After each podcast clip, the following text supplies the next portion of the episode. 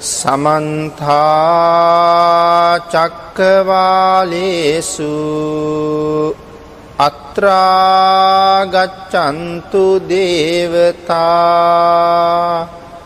සද්ධම්මං මුනිරාජස්ස සුනන්තු සග්ග මොක්කදං ධම්මස්සවෙන කාලෝ අයං බදන්තා. ධම්මස්සවෙන කාලෝ අයං බදන්තා. ධම්මස්සවෙන කාලෝ අයං බදන්තා නමෝතස්ස භගවතු අරහතු සම්මා සම්බුද්දස්ස නමෝතස්ස භගවතු අරහතු සම්මා සම්බුද්දස්ස. නමෝතස්ස භගවතු අරහතු සම්මා සම්බුද්දස්ස.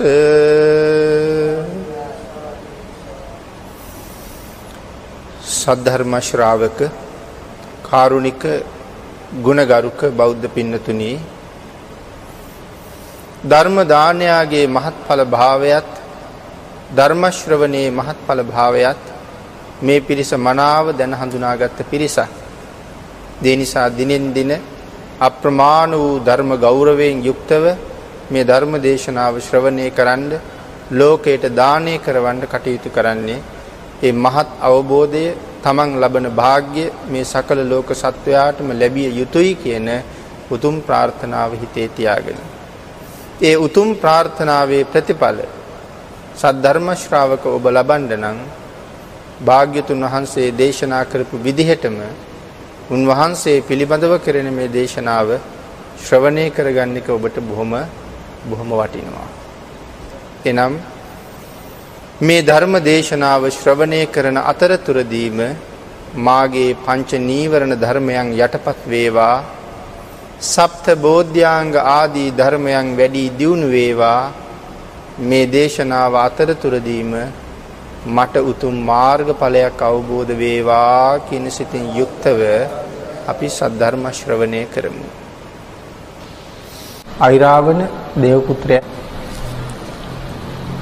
මෙයාට තියෙන කුඹ කෙනේ ඔලු 33ක්. දල එක ඔලුවක 7යි. එක දලක් යොදුන් 50ක් විශාලයි. එක දලක පොකුණක් තියෙනවා. ඉතින් දලක් යොදුන් 50ක් 70ක් 800ක් කියහම මේ පොකුණත් ඒ තරම් විශාලයි. එහෙමනම් මේ නෙළුම් අපි සඳහන් කරන නෙළුම් එහෙම නෙවෙයි. අපි මේ එක පෙත්තක දිව්‍යාංගනාව හත් දෙනෙක් නටනවා. ඉතින් හත් දෙනෙකුට රංගනයක් ඉදිරිපත් කරන්න ශක්තිමත් නෙළුම් පෙත්තක් මේක. මේ තරම් විශාලයි මේ මල් පොකුරු සහ මල් පොකුණු සියල්ලම සඳහන් කරලා තියෙනවා පොකුරක මල් 7යි එක මලක පෙති 7යි එක පෙත්තක දෙවඟනන් 7 දෙනයි. ඒ කියන්නේ එක මලක දිව්‍යාංගනාවන් 49ක් රංගනයක යෙදලා ඉන්නවා. එක පොකුරක දිව්‍යාංගනාවන් 343ක් එක පොකුරක රංගනයක යෙදලා ඉන්නවා. එතකොට මේ එක දලක් නැත්නම් එක කුම්භයක තියෙන දල 8ක ඉන්න දිව්‍යාංගනාවන් ප්‍රමාණය 2401ක්.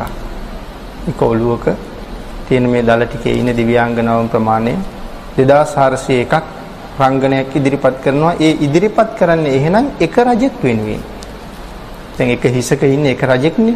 ඒක රජෙක් වෙනුවෙන් තමයි මේ රංගනය ඉදිරිපත් කරන්නේ. එතකොට මේ අයිරාවන හස්තියා කොච්චර විශාලද?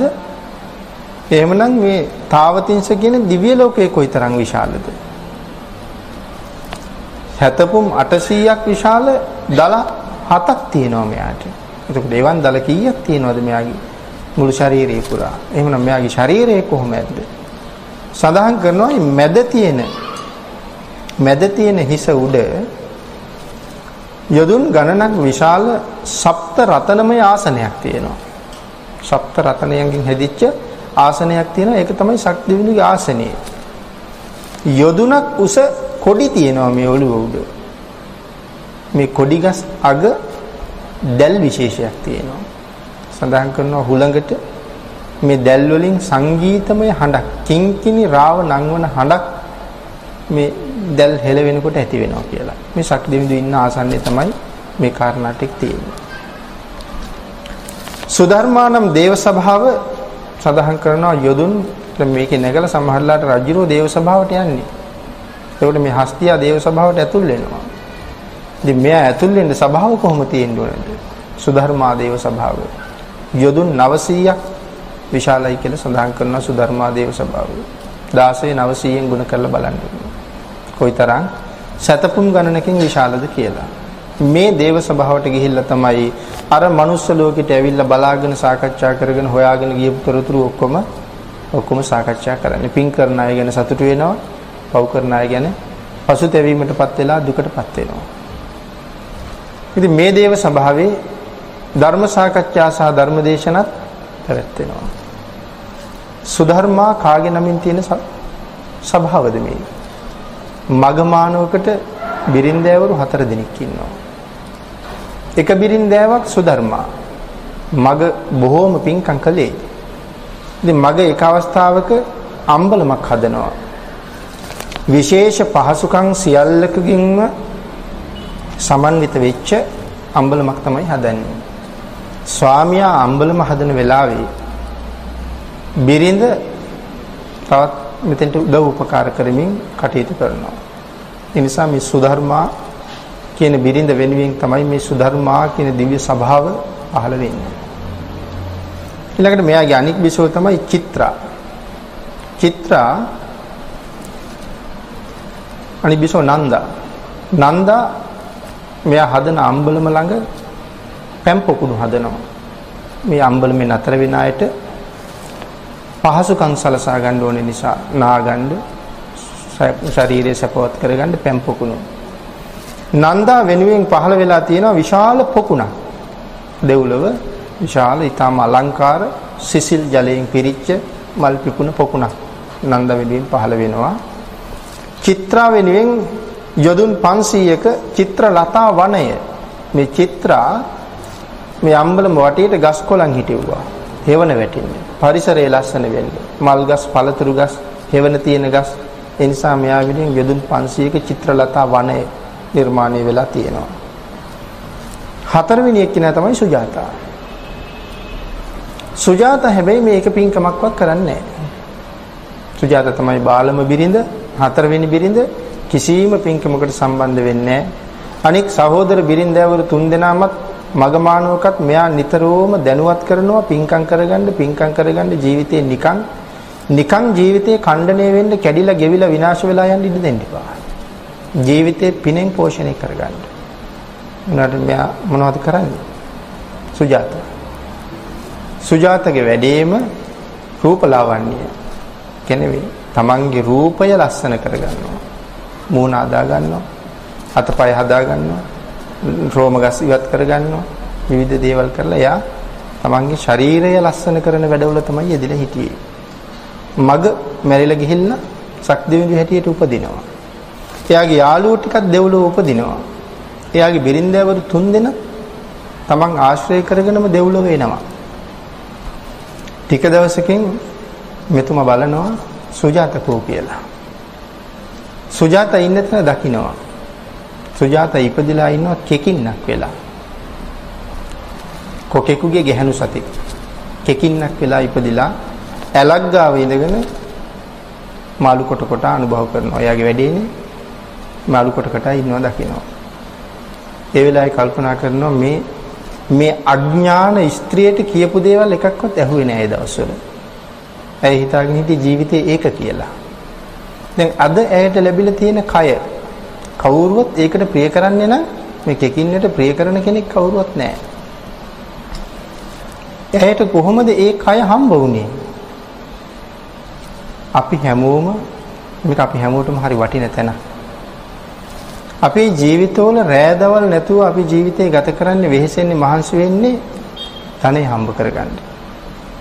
ඒ ධනෙ හම්බ කිරීම නෙමෙයි මෙතන වැරද්ද හැටියට සඳහන් කරන්නේ. ධනෙ හම්බ කරලා අපි කෙරුවේ මේ කය පෝෂණය කළා. මේ කය කණ්ඩ දුන්නා, බොණ්ඩ දුන්නා, හේදුවා, නෑවුවා, පිරිසිදු කෙරෙව්වා, ඇඳෙව්වා, සුවඳ ගැල්ලුවා, පීරු ගෑවා මේ බොහෝ දේවල් කරලා මේ කය අලංකාර කර කර ජීවත් වුණා. බොහෝ දෙනාට මම මට ධනය ලැබුණේ කොහොමද? ඇයි මට ධනය ලැබෙන්නේ? ඇයි මට කෑම ලැබෙන්නේ? සමහර අය ඉඳුල් භාජනයට අත දාලත් කනවා. සමහර අය ඉල්ලගෙනත් කනවා. සමහර අය අපි කියන්නේ හිඟා නොකා හිඟා කනවා කියලා. එහෙම කෑම කාලා ජීවත් වෙන දවසකට තුන් වේලෙන් වේල් දෙකයි. නැත්නම් එක වේලයි. එහෙම ජීවත් වෙන අයත් ඉන්නවා. මේ ඔක්කොම ඉන්නේ මනුස්ස ලෝකයේ. එහෙම පිරිසක් අතර ඇයි මට හිතෙන හැටියට විය පැහැදම් කරන්න ධනෙ ලැබුණේ? එහෙනම් ඒ වෙන හේතුවක් නිසා නෙමෙයි සංසාරේ හම්බ කරපු ධනය ඩම්පින් සඳහා ඕන තරම් මේ අත නිදහස් කරලා දුන්න නිසා අල්ලගෙන දීලා නැහැ. අත නිදහස් කරලම දීලා තියෙනවා ඩම්පින් සඳහා. ඒ නිසා අද මේ ජීවිතේ ලැබිලා තියෙනවා. අපිට ඉගෙන ගන්න පුළුවන් වුණේ ඇයි? හැමෝටම ඉගෙන ගන්න බැරි වුණානේ. අපිට ඉගෙන ගන්න පුළුවන් වුණා. අපි උසස් රැකියාව වලට ආවා. සමහර අය ඉගෙන ගත්තා. උපාධියකුත් ගත්තා. ඒ වුණාට දැන් ජීවිතේ ඉවර වෙන තැනට ඇවිල්ලා අවුරුදු 40ක් 45ක් වෙන්න ඇවිල්ලා තාම රස්සාවක් හම්බුන්නේ නැහැ. එහෙමයි ඉන්නවා අපේ රටේ ඕන තරම්. ඉගෙන ගත්තර උපාධියක් ගත රස්සාව නැහැ.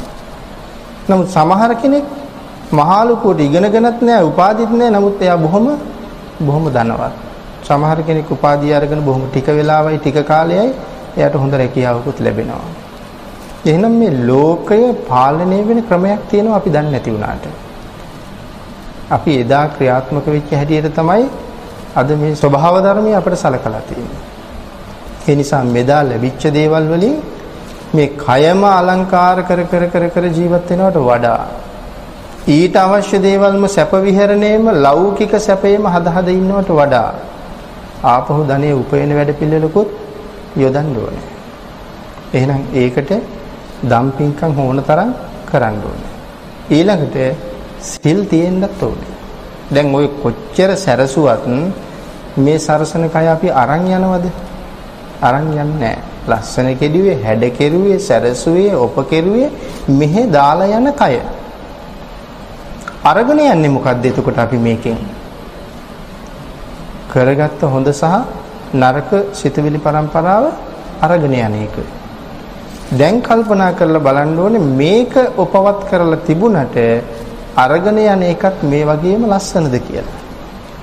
අන්න දැන් තේරෙනවා එලොවට ගෙනියන කෙනා ලස්සන නැත්තම් ඊළඟට මට හම් වෙන උපතත් ලස්සන ලස්සන නෑ. මෙහෙන් ඊටාම ලස්සන දෙයක් එහාට ගෙනියන්න පුළුවන් වුණොත් එහෙදි මට ලස්සන කයක් හම්බ වෙනවා.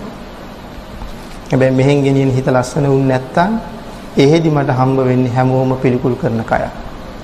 ගැඩවිලි කියන්නේ කවුද? ගැරන්ඩියෙක් කියන්නේ කවුද? පණුවෙක් කියන්නේ කවුද? වෙනත් අප්‍රසන්න සතෙක් කවුද? මෙයාටත් අපිට තිබිච්ච හැමදේම හැමදේම කාලයක් තිබුණා. එයා පිළිකුල් කරලා චී කියලා ඉවත දානවට වඩා එයා දිහා බලාගෙන මේ ධර්ම කාරණාව හිතන්න පුළුවන් නම් ඔබටත් මට වගේ ලස්සන මනුස්ස ජීවිතයක් තිබුණා. ඔබත් මං පුංචි කාලේ වගේම පෙර පාසල් ගියා.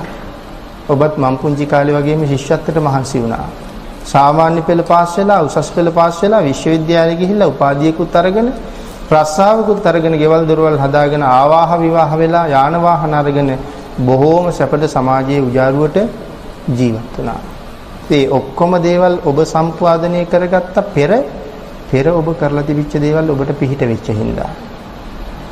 හැබැයි ඒ ජීවිතෙන් ඔබට පෙර දේවල් භුක්ති විඳ විඳ අවශ්‍ය දේවල් ලබාගෙන ජීවත් වුණා මිසක් එකක් අමතක වුණා. බොහෝ දිනකට සමාජය අමතක වෙනවා වගේම අර ඔක්කොම කරන්න ලබන්න මතක තිබුණා සිල් රකින්න අමතක වුණා. ඒක අමතක වෙච්ච හින්දා අර මෙලවින් එලවට ගෙනියන කෙනා ඒ තරම් ලස්සන ලස්සන නෑ. එයා ලස්සන නැති හින්දා එලවදි මට හම්බ වෙන කයත් ඒ තරම් ලස්සන නෑ. එහෙනම් ඒ පණුවටත් අපිට වගේම ජීවිතයක් තිබුණා. දැන් හොඳටම මතකයි අර කෙකින්නට තිබුණේ රැජිනකට තියෙන සැප. නමුත් අද කොහෙද එයා ඉන්නේ? එයාගේ හිත ලස්සන තිබුණේ නෑ. එයා කෙකින්නක් හැටියට.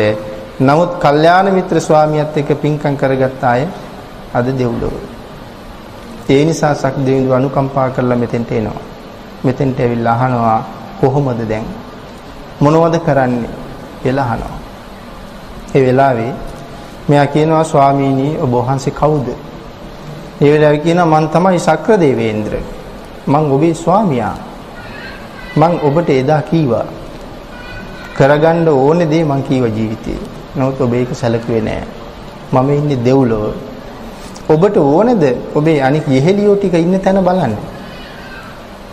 අනික් සහකාරියෝ ටික බලන්න. බලන්න නම් ආසයි. මං කොහොමද එහෙ යන්නේ? මම ඒක කියන්න. කියලා සක්දෙවිඳුගේ අතේ වහන්න කියනවා. බහලා තමන්ගේ ආඥාවෙන් එක්ක යනවා. තිරිසනෙක් දෙව්ලොව ගෙනියනවා. ඉතින් රජුරවන්ට කොහෙද ගෙනියන්න බෑ. එක්ක ගිහිල්ලා අර නන්දගේ පොකුණ ගාව තියෙනවා. තියලා ඇතුළට ගිහිල්ලා කියනවා සුජාත ඇවිල්ලා ඉන්නවා. ගිහිල්ලා බලලා එන්න. මේගොල්ලෝ ඇවිල්ලා බලලා ස්වාමීනි කෝ සුජාතා? ඇයි පේන්නේ නැද්ද සුජාතා ඉන්නවා? තිරිසන්නු මෙහෙ නෑ. නමුත් අර පොකුණ ගාව තිරිසනෙක් ඉන්නවා. ඒ තමයි සුජාතා. දැන් මේගොල්ලෝ ගිහිල්ලා සුජාතාව සැනසුවාද? මේගොල්ලෝ ගිහිල්ලා සුජාතා සැනසුවේ නෑ. මේගොල්ලෝ ගිහිල්ලා කියනවා අයියෝ මෙයාගේ හැටි. දැන් කොහොමද ඇඟ? දැන් කොහොමද ඉන්න දිහා? සැපයිද විඳින ජීවිතේ? දැන් අර ඒ දවස්වල පිරිසිදු කර කර හිටපු මුහුණ කෝ? දැන් දැන් ලස්සනයිද තියෙන හොට? දැන් කෝ අර එදා තිබිච්ච ලස්සන පාද දැන් නිකන් කෝටු කෑලි වගේ පාද දෙකක් තියෙනවා. නියපොතු දික් වෙලා ඒ වගේ පොතු ගැලවෙනවා. දැන් ලස්සනද දැන්? අයියෝ මෙයා කරගත්ත දේ ජීවිතේ ඛණ්ඩණය කරගත්ත හැටි මේ අඥාන තැනැත්තිය කියලා මේගොල්ලෝ මෙයාගේ හිත තවත් පාරලා ආපහු යන්න ගියා. සක්දෙවිඳු ඇවිල්ලා අහනවා මොකද අර ගොල්ලෝ කීවේ? අනේ ස්වාමීනි මට සතුටු වෙන විදිහක් නම් මං සැපවත් වෙන විදිහක් නම් මට කීවේ නෑ. මං දුකටපත් කරලා යන්න ගියා. දැන්වත් කැමතිද මෙහෙ එන්න? ස්වාමීනි කැමතියි. මං කොහොමද මෙහෙ එන්නේ? එහෙනම් එන හැටි මං කියන්නම් කියලා ආපහු අර ඇලගාවටම එක් යනවා. දැක්ක ගිහිල්ලා කියනවා සිල් අවශ්‍යයි. සිල් රකින්න. මෙතෙන්ට වෙලා සිල් රකින්න ඔබේ ජීවිතේ සිල් රකින්න පහසු ජීවිතයක් නෙමෙයි. නිකකින්න කරන්නේ ප්‍රාණඝාතයමයි. එක්ක පණුහාර හාර කනවා, නැත්නම් ඉහි ගෙඩිය අල්ලගෙන කනවා, නැත්නම් ඇලක් ගාවිනගෙන මාළු අල්ලගෙන කනවා. මේක තමයි එයාගේ ජීවිතය. සක් දෙවිලු කියනවා මෙරිලා වැටුණත් මැරිච්ච මාළුවෙක් මැරිච්ච පණුවෙක් මැරිච්ච සතෙක් කනවා හැර පණ ඇති සතෙක් නම් කන්න එපා. මෙරිලා යයි. කන්න එපා. දැන් මෙයා ඉන්නවා. දවසේ දෙකේ කෑම නැහැ. මැරිච්ච මාළුව හැමදාම නැහැනේ. මෙයා පරීක්ෂා කරන්න සක් දෙවිඳු එනවා. ඇවිල්ලා සක් දෙවිඳු මාළුවෙක් වෙලා ඇල උඩහන් ඉඳලා මැරිච්ච මාළුවෙක් වගේ පාවෙලා එනවා. එනකොට අල්ලලා ගන්නවා හොටේ. ගිලින්න හදනකොටම වලිග හොලවනවා. හැබැයි එතකොටම දානවා බිම. එතකොට මාළුවා පාවෙලා යනවා. ආපහු එහා පැත්තෙන් ගිහිල්ලා නැගිටලා ආයෙත් එනවා. පාවෙලා එනවා. ආයෙත් අල්ලා ගන්නකොටම වලිග හොලවනවා ආයෙත් අතහරිනවා. කීප වතාවක් මෙහෙම කරනවා. කරලා එනවා. ඇවිල්ලා කියනවා හරි අගෙයි. හරි අගෙයි ඔබේ සීලය.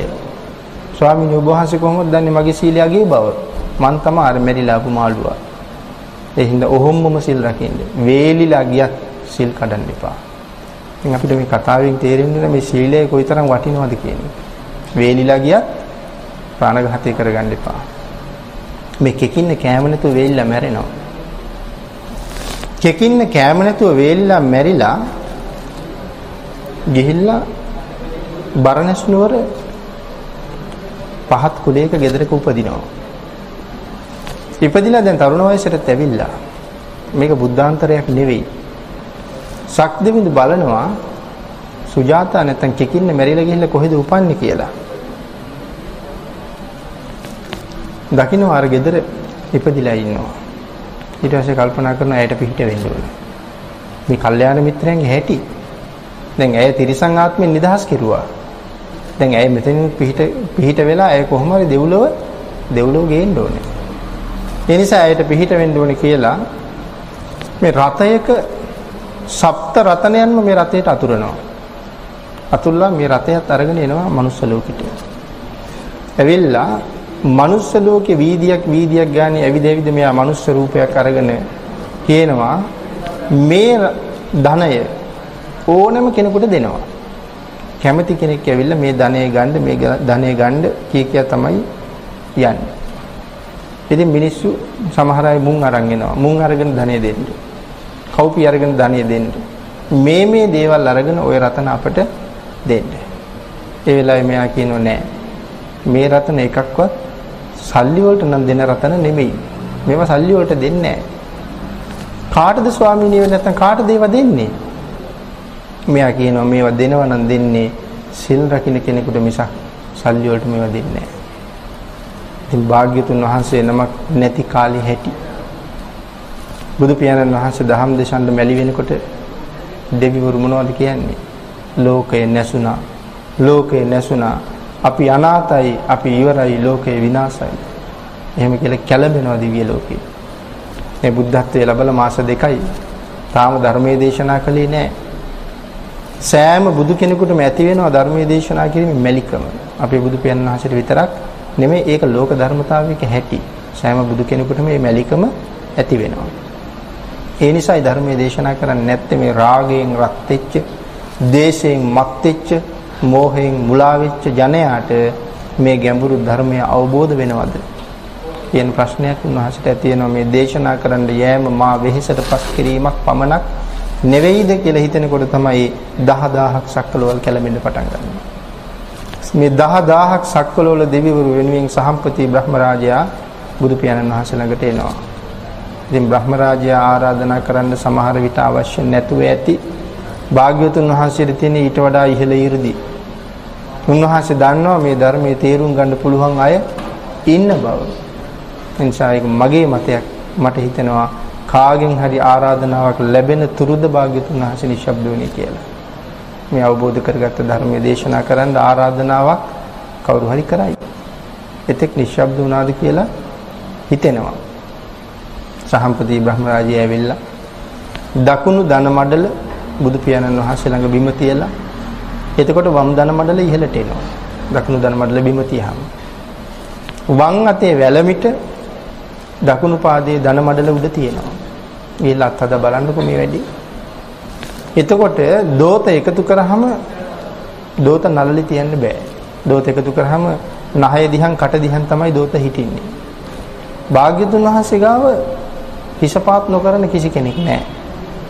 ඒ නිසා මෙයා දෝත නළලි තියන්න ඔළුව පාත් කරන්න ඕනේ. ඔළුව පාත් කරලා දෝත නළලි තියලා බුදු පියාණන් වහන්සේට ආරාධනාවක් කරනවා. උට්ටේහි විජිත වීර සංඝාමං අනන්ත සත්ත්ව විවර ලෝකේ දෙසස්සු භගවා ධම්මං අඤ්ඤාතාරෝ භවිස්සති උට්ටේහි විවර විජිත සංඝාමං පස් මරුන් දිනුවා වූ මහා වීරයන් වහන්සේ. ලෝකයට ණය නැති අති උත්තමයන්න් වහන්සේ. අවබෝධ කරගත්ත ශ්‍රී සද්ධර්මයේ ලෝකයට දේශනා කිරීම සඳහා මහා වීරයන් වහන්සේ නැගී සිටිනු මැනවි නැගී සිටිනු මැනවි කියලා ආරාධනාව කරන උට්ටේහි වීර කියලා කියන්නේ ඒකයි. ඒ ආරාධනාව කළාට පස්සේ භාග්‍යතුන් වහන්සේ උත්තරයක් දෙනවා. බ්‍රහ්ම රාජයේ අමාදුර ඇරියා සදහැත්තු සදහැමුදත්වා අමාදුර විවෘත කරලායි තියෙන්නේ මේ අමා දහම් ගඟ කෝටි ලක්ෂයක් සක්වල පුරා ගැලීම ආරම්භ වෙනවා බ්‍රහ්ම රාජයේ. කොහෙන්ද ආරම්භ වෙන්නේ? අපි දන්න ගංගා ගලන්නේ එක එක තැන් වලින්. අමා ගඟ පටන් ගන්නෙ කොහෙන්ද? බරණැස ඉසිපතනාරාමයෙන්. එතනින් ගලන්න පටන් ගත්ත අමා ගඟ තවමත් 10000ක් සක්වලවල් කෝටි ලක්ෂයක් සක්වලවල් සිසාරාගෙන මේ දහම් ගඟ ගලාගෙන හැලෙනවා. පවස තියෙන හැමෝම මේ ගඟෙන් පැන් අරන් පානය කරනවා. හැබැයි මේන් පැන් පානය කරපු හැම කෙනෙක්ම සැනසෙනවා මිසක් දුක්ුනේ නෑ. පිපාසයටනේ පානය කරන්නේ. මේ ගඟෙන් පානය කරපු අය සදාකාලික සුවයෙන්ම සැනසෙනවා. ඒ නිසා ඒ දහම් ගඟ තාමත් ගලනවා. කැමැති කැමැති අය එයින් පැන් බොණ්ඩයි තියෙන්නේ. අමාදොර විවර කරලායි තියෙන්නේ. ඒ නිසා එහෙමනම් දොරෙන් ඇතුළට ගියොත් තමයි මේ අමාදොර විවර කරපු મંદિરයේ ඇතුළේ මොනවද තියෙන්නේ කියලා බලන්න වෙන්නේ. ඒ හින්දා ධර්මයේ පිළිබඳව දේශනා කරන තැන භාග්‍යතුන් වහන්සේම පැහැදිලි කළා ඒහි පස්සිකෝ කියලා. ඇවිල්ලා බලන්න. කොහෙවත් ඉඳලා බලාගෙන මේක කරන්න බෑ ඇවිල්ලා බලන්න ධර්මයේ තුලට එන්න. පිටපැත්තට ඉඳගෙන ධර්මයේ මිහිර පේන්නේ පේන්නේ නෑ. ඇතුළට ඇවිල්ලා බලාපු කෙනාට තමයි මිහිර දකින්න පුළුවන්. ඉතින් එහෙම ධර්මයක් අපිට තියෙන නිසා අපි තාම තාම ප්‍රමාද වෙන්න අවශ්‍ය ප්‍රමාද වෙන්න අවශ්‍ය නැහැ කොහොමවත්. නමුත් භාග්‍යවතුන් වහන්සේ නැති කාලය ගැන සඳහන් කරන්නයි අපි මේක සඳහන් කිරුවේ. අපි හොඳටම දන්නවා පින මොකද්ද, පව මොකද්ද, කල යුත්තේ මොකද්ද, නොකල යුත්තේ මොකද්ද කියලා.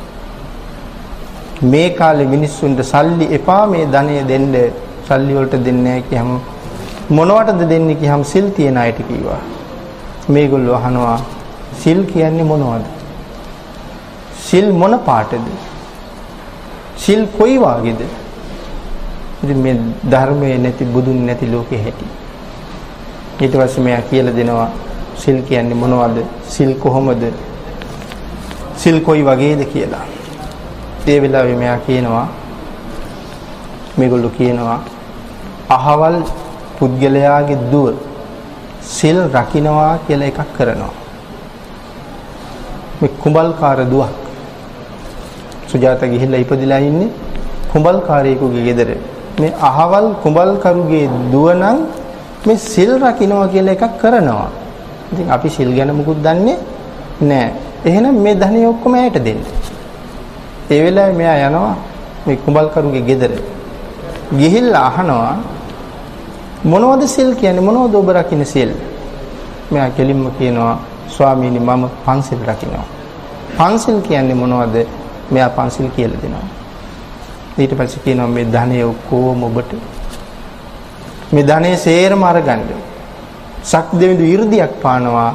ඒ ධනෙ කිසි කෙනෙකුට හොරකම් කරන්න නම් බෑ. මේ ධනෙ ඔක්කොම ඔබට මේ 이르දියේ බලෙන් කාටවත් ඒක හොරා ගන්න පුළුවන් කමක් නැහැ. ආයෙත් මෙතන දහම් කාරණාවක් අනාවරණය වෙනවා. බුදු පියාණන් වහන්සේගේ දේශනාව මෙලොවටයි පරලොවටයි දෙකටම එකක්. හුඟක් අය හිතාගෙන ඉන්නේ බුද්ධ දේශනාව පරලොවට විතරයි කියලා. බුදු දහම ප්‍රායෝගික ප්‍රායෝගික නෑ කියලා හිතාගෙන ඉන්නේ. මේ දහම තරම් ප්‍රායෝගික දහමක් ලෝක ධාතුවේ වෙන්නේ නෑ. අපි හිතාගෙන ඉන්නේ නිවන් දකින්න පාරයි සල්ලි හොයන මාවතයි දෙකක් කියලා. ධනය හොයන මාවතයි නිවන් දකින්න පාරයි දෙකක් කියලා. හැබැයි බුදු පියාණන් වහන්සේගේ දේශනාවේ මේක දෙකක් නෙමෙයි මේක එකක්. දැන් ඇය පන්සිල් රකින්න නිසා ඇය ධනවත් වෙන්න පටන් ගත්තා. භාග්‍යතුන් වහන්සේ දේශනා කළා සීලයත් එක්ක ලෞකික ශ්‍රද්ධාව තියෙනවා නම් ඒ පුද්ගලයා ධනෙන් පිරෙනවා කියලා. ධම්මපද පාළි චිත්ත ගෘහපති වස්තුව මේකට දේශනා කරපු හොඳම උදාහරණය. ඒ නිසා අපි සිල්වත් නම් අපි අවශ්‍ය තැනට අපිටත් නොදැනීම අපි යනවා. අපිට පුදුමයි මම මෙතෙන්ට ආවේ කොහොමද කියලා. හැබැයි අවශ්‍යයි සිල්වත්කම සහ ශ්‍රද්ධාව. ඒකයි ගුණවත් ජීවත් වෙනවා නම් ධනෙ ලැබෙන මාවත ඒකයි. ඒකයි සඳහන් කළේ බුදුදහම කියලා කියන්නේ නිවන් දකින්න පාරයි සල්ලි හොයන පාරයි දෙකක් කරගත්ත කෙනෙකුට මේ ධර්ම මාර්ගයේ යන්න බෑ. ඒ දෙකම එකක් කරගත්ත කෙනා පුදුමාකාර ධනවත් පුද්ගලෙක් බවට පත් වෙන්න ගන්නවා. ලෞකික ධනයෙන් පිරෙනවා කියලායි චිත්ත ගුරුපති වස්තුවේ සඳහන් කරන්නේ. මෙතනම උදාහරණයක් තියෙනවා අර කාන්තාව සිල්වත් කියපු නිසා එයාට සප්තරතනයන්ම ලැබෙන්නේ. නිකන් ටිකක් එහෙම නෙවෙයි. මේවා පරිහරණය කරගෙන මේ තැනැත්තිය බොහෝම සීලවන්ත ජීවිතයක් ගත කරනවා. මේ සීලවන්ත ජීවිතය ගත කරලා මෙයා මැරිලා යනවා. මැරිලා ගිහිල්ලා කොහෙද උපදින්නේ? සක් දෙවිඳු ගාව උපදින්නේ. අවශ්‍ය වුණේ කොහෙ ගෙනියන්නද? මෙහෙ ගෙනියන්න. සක් දෙවිඳු ගාවට යන්න කලින් තමයි අසුර රාජයාගේ වේපචිත්තිගේ දුව වෙලා උපදින්නේ. සූර්ය වච්චසා. එයාගේ දුව වෙලා ඉපදෙන රත්තරන් පාටයි කියවන්නේ.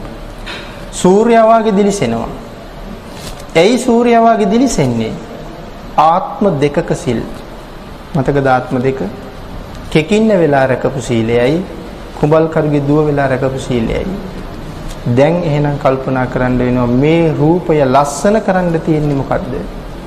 මේ රූපය ලස්සන කරන්න තියෙන හොඳම ක්‍රමය තමයි සිල් ආරක්ෂා කරන එක. අද සිල් ආරක්ෂා කරුවා කියලා කියන්නේ හිත ලස්සනයි. අද හිත ලස්සන නම් හෙට මගේ මුළු කයම ලස්සනයි.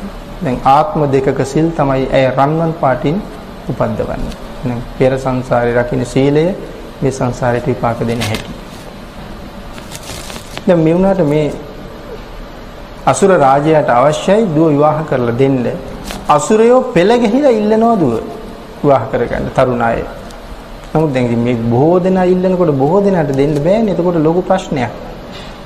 ඒ නිසා වේපචිත්ති අසුරේන්ද්‍රය ප්‍රකාශ කරනවා මගේ දුවට එයා කැමති කෙනෙක් තෝරගන්න අවසර තියෙනවා. දැන් තෝරගන්න දවස තරුණ අසුරයෝ පිරිලා විශාල පිට්ටනියක් වගේ තැනක දෙව්ලොව විශාල ශාලාවක් වෙන්න ඇති. මෙතන එකතු වෙලා මේ විශාල පිරිසක් මේ අසුරයෝ කොහෙද ඉන්නේ? අසුරයෝ ඉන්නේ සාගරේ. දෙව්ලොව කිව්වට සාගරේ ආශ්‍රය කරගෙන අසුරයෝ ඉන්නේ. හැබැයි සඳහන් කරනවා දෙවෙනි දිව්‍ය ලෝකේ තරම් සැප සහිතයි කියලා. සක්දෙවිඳ ඉන්න දිව්‍ය ලෝකේ තරම් සැප සහිතයි මේ අසුර විමානය. එතන අර අපි දුක් සහිත අසුර කියන කට්ටිය ගැන නෙමෙයි මේ කතා කරන්නේ. අසුර අපාය ගැන නෙමෙයි. ඉතින් ඒ නිසා රැස් වෙලා ඉන්නවා දැන් දුවට කැමති කෙනෙක් තෝරගන්න.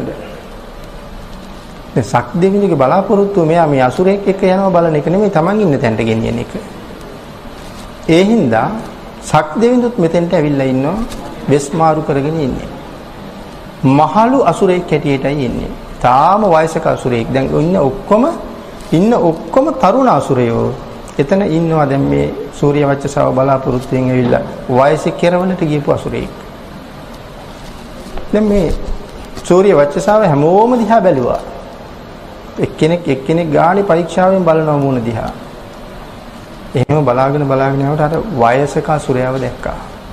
ඒ දැක්කට පස්සේ සාගරයේ රළ නැගෙනවා වාගේ සංසාරේ තිබිච්ච ප්‍රේමය මතුවෙන්න පටන් ගන්නවා හිතේ. ඒත් එක්කම තමන්ගේ අතේ තියෙන මේ කැමැත්ත ඇති වෙන්නේ කවුරු පිළිබඳවද? ඔහුගේ ඇඟට ඒ අතේ තියෙන මල් ටික හිනවා. ඉහලින්ම අර වයසක අසුරයාගේ ඇඟට මේ මල් ටික විසි කරනවා. තරුණ අසුරයෝ ඔක්කොටම ලැජ්ජයිනේ දැන්. ඒ බිම් බලාගෙන ප්‍රකාශ කරන අපේ රජුරුව මෙච්චර කාලයක් දුව ඉල්ලපු කෙනාට දුව දුන්නේ නැහැ. දැන් හොඳයිනේ. වයසක මහලු මිනිහෙක් දැන් දුව අරගෙන යනවා. ඕක කරගන්න තමයි ඕන වෙලා තිබ්බේ කී ගියා. තරුණ අය පිටත් වෙලා පිටත් වෙලා ගියා. සූර්ය වච්චසා ගිහිල්ලා අර වයසක අසුරයාගේ අතින් අල්ල ගන්නවා. ඒ වෙලාවේ ඇයගේ අතින් අල්ලගෙන අහසට පැන නැගලා කියනවා මම සක්‍රයා වෙමි කියලා ප්‍රකාශ කරනවා. ඒ වෙලාවේ සියලුම අසුරයන්ට හිතා ගන්නවත් බැරුව යනවා මහලු සක්‍රයා බොරු වෙසක් මවාගෙන ඇවිල්ලා සූර්ය වච්චසාව අරන් යනවා කියලා සමච්චල් කෙරුවා. වෙන කරන්න දෙයක් නැහැ. මගට යනකොට මාතලේ දිව්‍ය පුත්‍රයා මෙයාගේ අශ්වරථය ගෙනල්ලා තියෙන්නේ. යොදුන් 150ක් දිගයි මේ රථේ. අශ්ව බල 1000ක් තියෙනවා මේකට. අශ්ව බල 1000ක් කියලා කියන්නේ අශ්වයෝ 1000ක් මේ රථයට බඳිනවා. යොදුන් 150ක් දිගයි. කියන්නේ සතපුම්නම් 3000 ගානකටත් වැඩි මේ රථේ දිග. ඉතින් මේක නංගගෙන ඊටාම වේගෙන් යන්නේ. හිමින් එහෙම යනවා නෙමෙයි අශ්ව බල 1000ක් තියාගෙන හිමින් යන්නේ නෑනේ. ඊටාම වේගෙන් යන්නේ. ඒ යන ගමන් සිප්පලි වනයක් ආශ්‍රිතව ළඟින් යනකොට ගුරුළු පැටව කෑ ගහනවා. ඒ වෙලාවේ අහනවා මාතලීගෙන් මාතලී කවුද කෑ ගහන්නේ? ස්වාමීනි කෑ ගහන්නේ ගුරුළු පැටව. ඇයි ගුරුළු පැටව කෑ ගහන්නේ? ස්වාමීනි ඒගොල්ලෝ මේ රතේ හඬට බය වෙලා මේ වේගෙන් යනකොට අති භයානක හඬක් ඇහෙන්නේ. ඒගොල්ලෝ මේ හඬට බය වෙලා කෑ ගහන්නේ මාතලී නවත්තන්න රතේ. දැන් මෙයා වේගෙන් යන්නේ ඇයි? අසුරය කොහොමද දෙවියත් එක තරහයි? දැන් මෙතන සක්දේවී මාතලී විතරයි ඉන්නේ. ඊටාම බලවත් අසුරයෝ. ඉතින් ශක්තියින්ත් එක්ක එන්න බෑද යුද්ධෙට? එන්න පුළුවන්. මේක යුද්ධ කරනම අවස්ථාවක්. ඒකයි මේ වේගෙන් යන්නේ. ජීවිතේ බේර ගන්න. ඒ වෙලාවේ කියනවා මගේ ජීවිතේ වෙනුවෙන් තව අයගේ ජීවිත නැති කරන්න එපා. මං වේගෙන් යන්නේ මගේ ජීවිතේ බේරගන්න. මේ හඬට බයේ මේගොල්ලන්ගේ ජීවිත නැති වෙනවා නම් මේ බිත්තර බිඳෙනවා නම් මේ ගුරුළු පැටව මැරෙනවා නම් එලවන්න එපා එහෙම. නවත්තන්න රතේ. කියලා තමන්ගේ ජීවිතේ පරිත්‍යාග කරනවා අර සත්තුන්ගේ ජීවිතේ වෙනුවෙන්. මේ ගුරුළු ද්විජ කියලා හඳුන්වනවා මේ ගුරුලන්ට නමක් ද්විජ කියලා කියන්නේ. ද්විජ කියලා කියන්නේ දෙපාරක් උපන් කියන එකයි. ඒ දෙපාරක් උපදින්නේ කොහොමද ඒගොල්ලෝ? ඉස්සරලා අම්මගේ කුසෙන් බිත්තර උපදිනවා. ඊට පස්සේ බිත්තර කඩාගෙන පැටව එළියට එනවා. දෙපාරක් උපදින නිසා ද්විජ කියලා හඳුන්වනවා මේ ගුරුලන්ට. බිත්තර නැතුවත් පැටව බිහි කරන ගුරුලෝ ඉන්නවා. මේ මිනිස්සු උපදින ආකාර හතරෙන්ම ගුරුලෝ උපදිනවා කියලා මෙතන සඳහන් කරනවා. නමුත් මේ සිප්පලි වනයේ ඉන්න අය ද්විජ කියලා හඳුන්වලා තියෙනවා. දැන් මේ රතේ නවත්තනකොට සක්දෙවිඳු දන්නේ නැහැ අසුරේ ඇවිල්ලා. මග රැකලා ඉඳලා තියෙනවා. නමුත් රතේ නැවැත්තුවා. ආයෙත් පින්නතුනි මතක් කරනවා සීලය මොනතරම් බලවත්ද කියලා. විශේෂයෙන් ප්‍රාණඝාතය. දැන් මේ සක්දෙවිඳු රතේ නැවැත්තුවේ අසුරයෝ ඉන්නවා අසුරයොත් එක්ක යුද්ධ කරන්නද? අසුරයොත් එක්ක යුද්ධ කරන්න නෙමෙයි අරගොල්ලන්ගේ ජීවිත බේරන්නයි නැවැත්තුවේ. අසුරයෝ ඇවිල්ලා හිටියේ යුද්ධෙට අසුරයෝ සේරම කල්පනා කරුවා සක්‍රයා නතර වුණේ නිකන් නෙමෙයි. සක්‍රයා නතර වුණේ අනිවාර්යෙන් අපි ඉන්න බව දැනගෙන අනිවාර්යෙන් දේව පිරිස මෙලහටත් ළඟ ඉන්නවා. ඒ හින්දා මෙතන යුද්ධ කරන්න හම්බෙන්නේ යමල්ල කියලා ආපහු හැරිලා බලන්නේ නැතුව අසුර විමානෙටම ගිහිල්ලවත් ආපහු හැරිලා බැලුවේ නැහැ කියලා සඳහන් කරන්නේ. අසුර විමානෙටම යනවා. ආපහු හැරිලා බලන්නේ නැතුව. එහෙමනම් සක්දේවිය එකක්වත් දන්නේ නැහැ. අන්න බුදු පියාණන් වහන්සේ දේශනා කරලා තියෙනවා දේවදත්ත ස්වාමීන් වහන්සේ ගල පෙරලන වෙලාවේ භික්ෂුන් වහන්සේලා අහනවා ස්වාමීනි ඔබ වහන්සේ දන්නේ නැද්ද ඒ ගල පෙරලන බව? නෑ මන් දන්නේ නෑ. ස්වාමීනි කොහොමද ඒ ගල මේ අතරමඟ නතර වුනේ මේ අමු ගල උඩ තව ගල් දෙකක් පැන නැගිලා කොහොමද නැවතුනේ? මහන මගේ ආරක්ෂාව මම කලින් හදලා තියෙන්නේ. දැන් හදලා නෑ කලින් එක හැදුවේ. මොකද්ද කලින් හැදුවේ? ප්‍රාණඝාතය කළේ නෑ සංසාරේ. ඒක මම සෑහෙන කාලයක් අතහැරලා නතර කරලා තිබුණේ. ඒකේ විපාකය තමයි මම මේ රකින්නේ. එතකොට ආරක්ෂාව කලින් හැදිලා තියෙන කාටවත් කාටවත් අනවශ්‍ය වෙලාවෙ නම් මරන්න අනවශ්‍ය වෙලාවෙ නම් මරන්න බෑ. එහෙමනම් මෙතන සක්දේවිඳු මේ සත්තුන්ට අබේයයි දුන්නේ.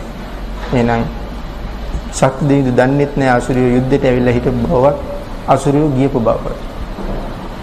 භවනට යනකම් ආපු හැරිලා බැලුවේ නෑ කියලා සඳහන් කරන්නේ. දැන් ඊට පස්සේ ශක්තිවිඳු ආපහු සූර්ය වච්ච සවාරගෙන යනවා. ගිහිල්ලා විමානයට ගිහිල්ලා මේ කාන්තාව අග්‍රමහේෂිකා තනතුරේ තියෙනවා. නමුත් ඇය අසුර කාන්තාවක්.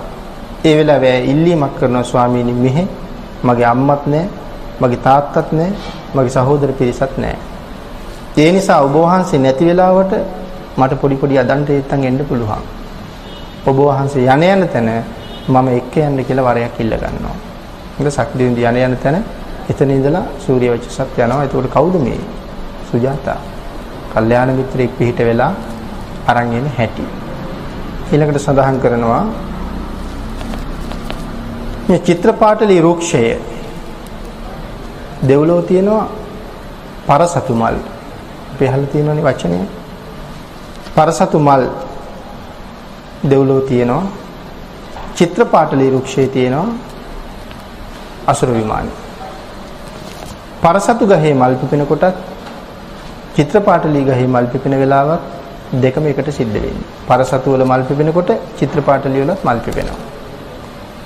සඳහන් කරනවා මේ කාලෙට පරසතු රුකේ මල් පිපිලා කියලා දැනගෙන අසුරයෝ යුද්ධෙට එනවා. ශක්‍ර භවනට යුද්ධෙට එනවා තවතිසාවට.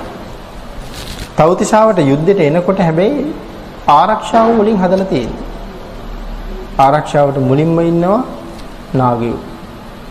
නාග කියන දිව්‍ය කොට්ටාසයක්. මේ දිව්‍ය කොට්ටාසය තමයි මුලින්ම ආරක්ෂක වලල්ල හැටියට ඉන්නේ.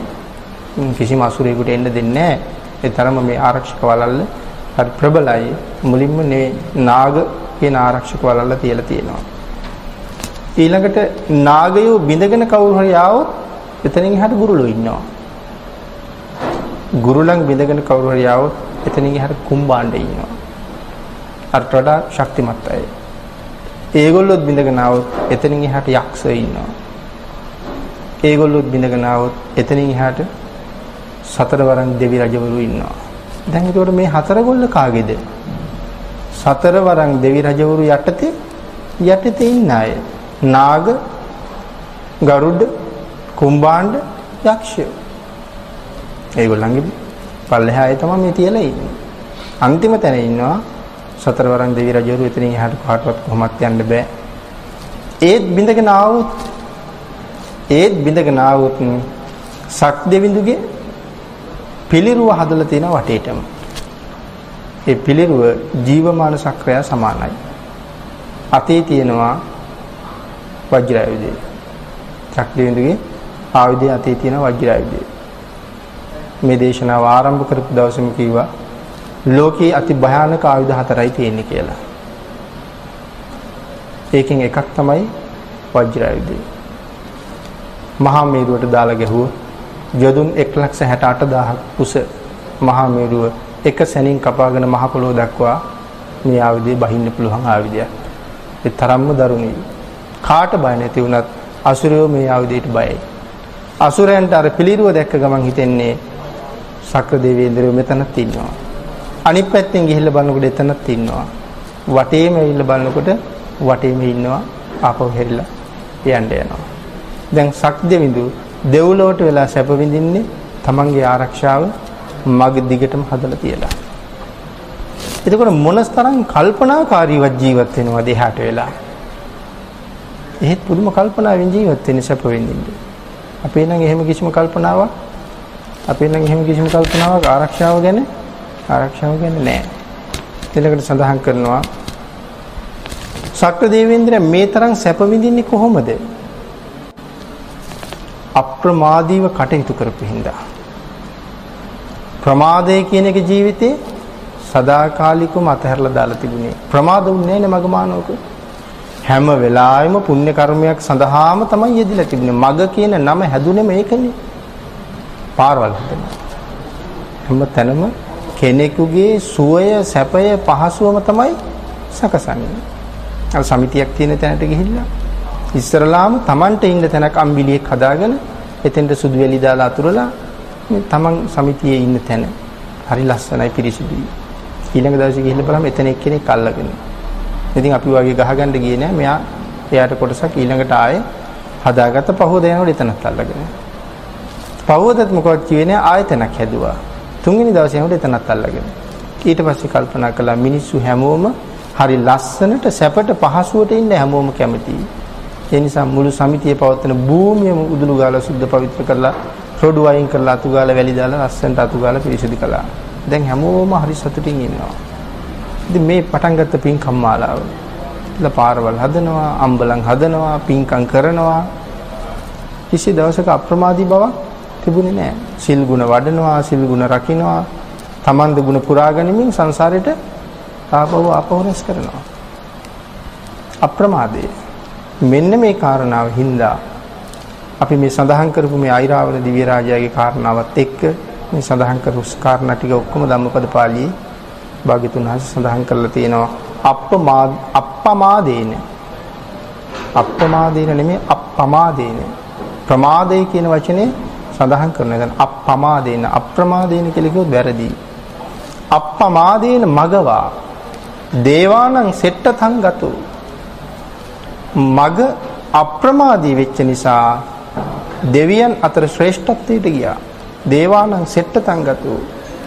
අප්පමාදෝ පසංසන්ති පමාදෝ ගරහිතෝ සදා.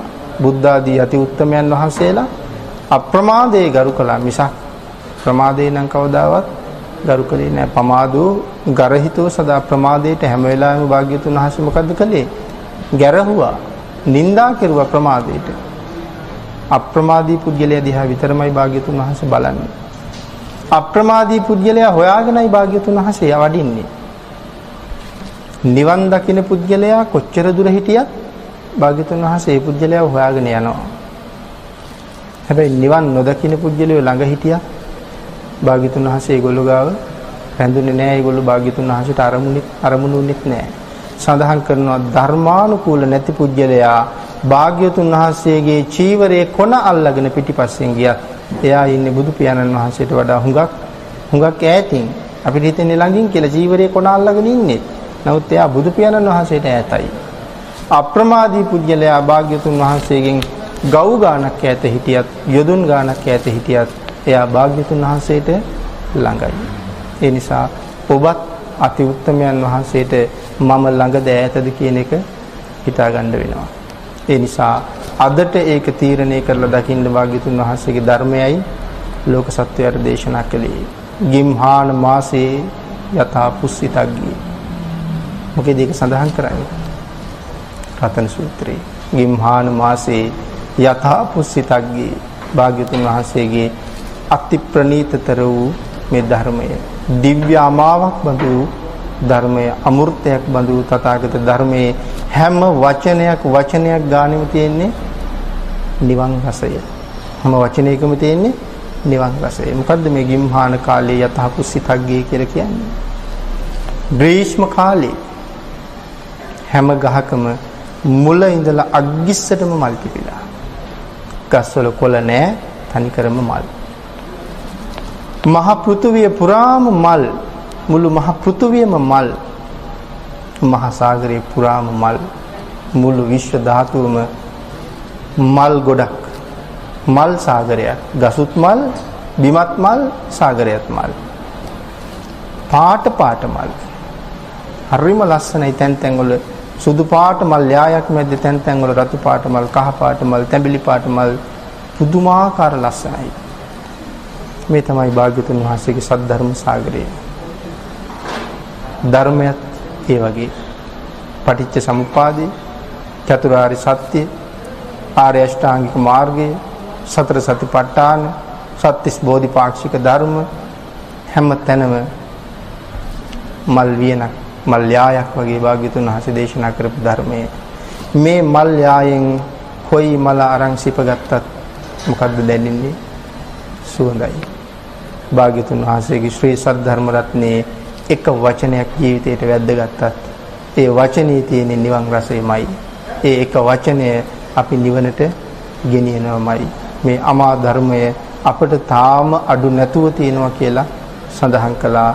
තාමත් මේ සක්වල පුරාම දහම් ගඟ ගලනවා. හෙටක් අපිට නෑ. හෙටක් නෑනේ අපිට. අනාගතයක් නෑ අපිට. අතීතයක් තියෙනවා. වර්තමානයේ කියන්නේ මේ ෂණය.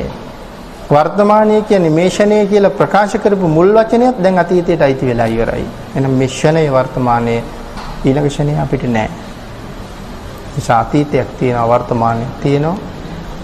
වර්තමානයේ හොඳ කරගන්න පුළුවන් මේ ෂණය මගේ පංචේන්ද්‍රයන් මට පාලනය කරන්න පුළුවන් වුණොත් මේ ෂණේ මම දිගටම පාලනය වෙන්න වෑයම් කරපු කෙනෙක්. මම භාග්‍යතුන් වහන්සේ ළඟට යන්න සූදානම් වෙච්ච කෙනෙක්. මම බුදු පියාණන් වහන්සේ අසුරු කරන කෙනෙක්. මට භාග්‍යතුන් වහන්සේගේ නිර්වාණ සාගරයේ සැතපෙන්න නිර්වාණ සාගරේ පීනන්න පුළුවන් කෙනෙක් දුක් කටුක සංසාරයෙන් එතරට යන්න භාග්‍යතුන් වහන්සේගේ ශ්‍රී සද්ධර්මයේ නැමැති යාත්‍රාව ධර්මයේ ඔරුවක් පාරුවක් හැටියට යොදාගන්න දේශනා කළේ කුල්ලූපමම් භික්කවේ ධම්මං දේශේත මහාන මගේ ධර්මයේ මම ඔරුවකට උපමා කරලායි දේශනා කරන්නේ. ඒ ඔරුව භව සාගරයෙන් එතරට යන්නයි එහෙනම් ඒ භව සාගරයෙන් එතරට යන්න මේ ධර්ම සාගරයේ ඔබ සියලු දෙනාටම ඒකාන්ත පාරමිතාවක් වේවා කියලා අදට අපි ධර්ම දේශනාව නිමා කරමු.